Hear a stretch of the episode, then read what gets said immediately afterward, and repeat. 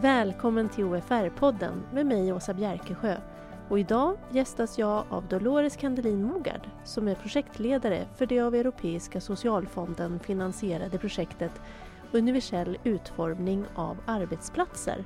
Och hon är också anställd på Akademikerförbundet SSR som är projektägare till UUA-projektet. Hej Dolores! Skulle du vilja presentera dig själv lite kort? Jag har eh, jobbat inom den fackliga världen sedan början på 2000-talet. Jag har jobbat på Akademikerförbundet SSR. Började som ombudsman. Eh, mina specialområden det var eh, jämställdhet, diskrimineringsfrågor, mångfaldsfrågor. Sen har jag jobbat som chefsförhandlare och som kanslichef för Akademikerförbundet SSRs egen chefsförening som heter Svensk chefsförening. Så gjorde jag ett litet liten avstickare till ett annat fackförbund som förhandlingschef men nu är jag tillbaka igen till Akademikerförbundet SSR och som projektledare för det här projektet. Det var Marcus Furuberg som ringde och frågade mig om jag ville komma och jobba som projektledare för det. Och eftersom frågorna är så viktiga så kunde jag förstås inte tacka nej. I det här avsnittet av OFR-podden då ska vi ju tala om UUA, alltså universell utformning av arbetsplatser. Och jag skulle vilja veta, vad är det?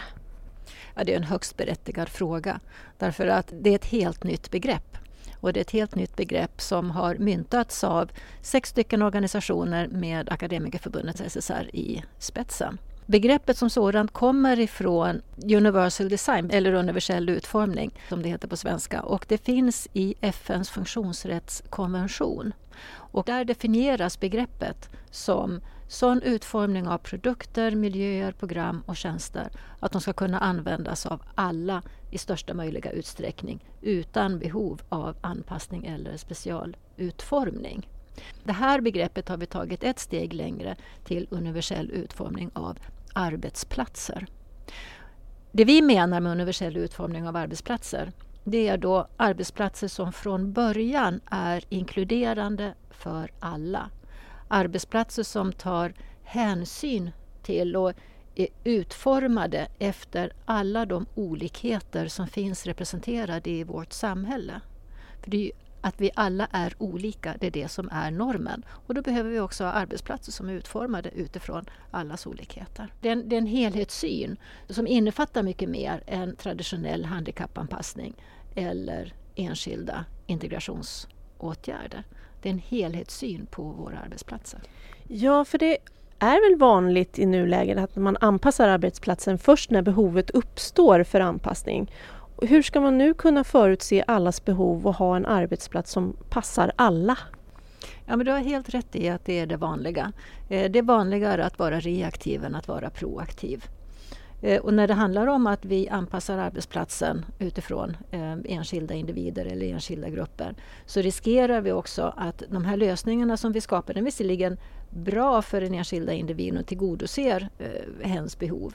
Men man riskerar också att peka ut och stigmatisera specifika grupper eller individer om vi pratar om handikapplösningar som det heter eller om vi pratar om enskilda integrationsåtgärder eller vad det nu kan vara för någonting. Man gör individen till ett problem. Men på arbetsplatser som är universellt utformade, där har man utformat arbetsplatsen från början efter olika människor. Det är klart eh, att det inte går att eh, helt utforma arbetsplatsen utifrån alla människors olika behov. Så. Men det viktiga är att vi har en så flexibel arbetsplats som möjligt och att man från början tänker in att det finns en möjlighet att man kan få en person som är rullstolsburen eller att man tar in en person som kommer från Syrien eller att man tar in personer som har fyllt 65 år med alla de behoven som kan finnas där. Så att att ha den flexibiliteten, det skulle jag vilja säga är det som är det allra viktigaste. Och för att kunna ha den flexibiliteten, då behöver man ha kunskap och man behöver också från början utforma arbetsplatsen. Kommer det att finnas något incitament för att arbetsgivaren ska göra de här förändringarna enligt UUA-tänk? Eller hur ska man få till förändringarna? Eh, när det gäller incitamentet till att få till utbildningarna så tycker jag att de incitamenten finns väldigt tydligt. De har vi idag att hantera. Och de incitament som finns det är ehm, den kompetensförsörjningsbrist som vi kan se idag. Och samtidigt som vi har den här kompetensförsörjningsbristen men också de ökade ohälsotalen som, eh, som vi har att brottas med på arbetsmarknaden idag. Eh, samtidigt som vi har dem så har vi också personer som står utanför arbetsmarknaden. Vi har eh, personer med funktionsnedsättning som i högre grad än andra står utanför arbetsmarknaden och inte kommer in. Vi har till exempel personer som är årsrika och eh, om man blir av med sitt arbete på något sätt så, så riskerar man att hamna i långtidsarbetslöshet därför att man inte kommer in på arbetsmarknaden igen. Så att den kompetensförsörjningsbristen eh, som vi har den utgör i sig det incitament som vi behöver ha. Men det handlar inte bara om det. Det handlar också om att vi behöver ha arbetsplatser som är attraktiva så att vi får människor att dels vilja komma men dels också att faktiskt vilja stanna kvar. Eh, och frågan om universell utformning av arbetsplatser det är en fråga som också handlar om framförallt företagens eh, branding, alltså deras varumärke. Vad är det för företag man vill ha och hur gör man sig attraktiv så att eh, människor faktiskt vill komma. Sen så har vi också en annan aspekt på det hela och det är när det gäller kompetensförsörjningsbristen. Jag träffade en förvaltningschef häromdagen som utbrast att eh, ja men UA, på det här sättet så kan vi få syn på oanade möjligheter att hitta kompetens som vi inte har sett förut. Så det handlar om att få upp ögonen också för den kompetensen som faktiskt finns men som vi inte får syn på idag. När det gäller de här incitamenten också så har eh, fackförbund, främjande myndigheter och så vidare många gånger en tendens att eh, fokusera på rättighetsperspektivet. Det vill säga på individens eh, rätt att inte bli diskriminerad och att få ett arbete. Och det, självklart ska vi göra det. Men när det handlar om en arbetsgivare så vad är det som ligger i en arbetsgivares eller företagares intresse? Ja, det är ju att göra vinster. Det, det, är alltså en fråga om att kunna konkurrera med andra företag. Och det vi vill komma åt med universell utformning av arbetsplatser, det är just den här skärningspunkten. Balansen mellan individens rättigheter och behov och verksamhetsnytta, konkurrensen, företagsvinster. Och det handlar inte om antingen eller, utan det handlar om både och.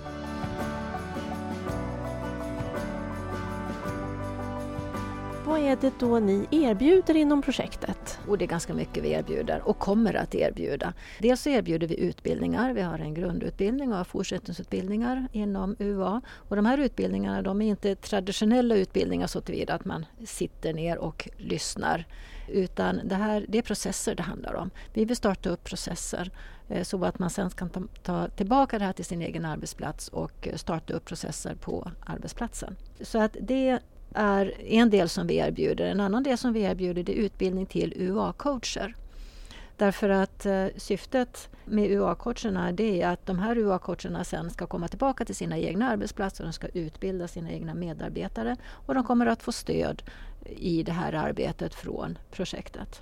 Och på det sättet så blir det en, en ringar på vattnet-projekt där vi blir en igångsättare till Eh, de kommande processerna på arbetsplatserna. Vi eh, har en utvecklingsverkstad i projektet. Under den här projekttiden då så kommer vi att ta fram material, vi kommer att ta fram filmer, verktyg, metoder för att ta det här arbetet vidare. Och det är klart att den forskning som finns inom området kommer att bli ett stöd i den här förändringsresan mot en universell utformning av arbetsplatser. Och sist men inte minst så handlar det om att lägga grunden för ett långsiktigt hållbart forum där aktörer från samhällets olika sektorer har hittat formerna för att kunna driva frågorna vidare när det är slut. Vi vill ha ett långsiktigt hållbart samarbete som främjar universell utformning av arbetsplatser och som sagt som ska drivas efter det att projektet är slut. Och hur kan man då som fackligt förtroendevald jobba för UA på bästa sätt? Dels förstås genom att gå de här utbildningarna men också att lyfta frågorna i samverkan. Att lyfta frågorna med sin arbetsgivare och som skyddsombud att ta med den här frågan också i alla olika sammanhang i sina kontakter med arbetsgivaren. Så att det skulle jag vilja säga att lyfta frågan på samverkan det är en av de viktigare sätten som man kan arbeta med den här frågan på. Vilka är det som har initierat projektet och hur långt sträcker det sig? Det började faktiskt med en motion som kom från en chefsmedlem på en av SSRs eh, kongresser för eh, flera år sedan. Och den motionen, där tyckte medlemmen att vi skulle också fokusera på eller lyfta personer som har någon form av funktionsnedsättning och, lyfta, och starta ett arbete med det på något sätt. Det ena gav det andra och Akademikerförbundet SSR eh, tack vare den här motionen tog kontakt med Funktionsrätt Sverige för att påbörja ett samarbete. Så kom Vasakronan med i bilden och så småningom också kom Swedavia Randstad, Sveriges företagshälsor. I det nya projektet så har också CSR Sweden anslutit sig. Det ena projektet det är ett pilotprojekt och eh, handlar om att ta fram metoder och modeller för en universell utformning av arbetsplatsen. Det andra projektet det handlar om att, som vi blev beviljade i höstas och som satte igång nu den 1 februari. Det handlar om att ta lärdomar och erfarenheter från pilotprojektet och föra det vidare. Det första projektet det tar slut om ett år och det andra projektet det tar slut om tre år.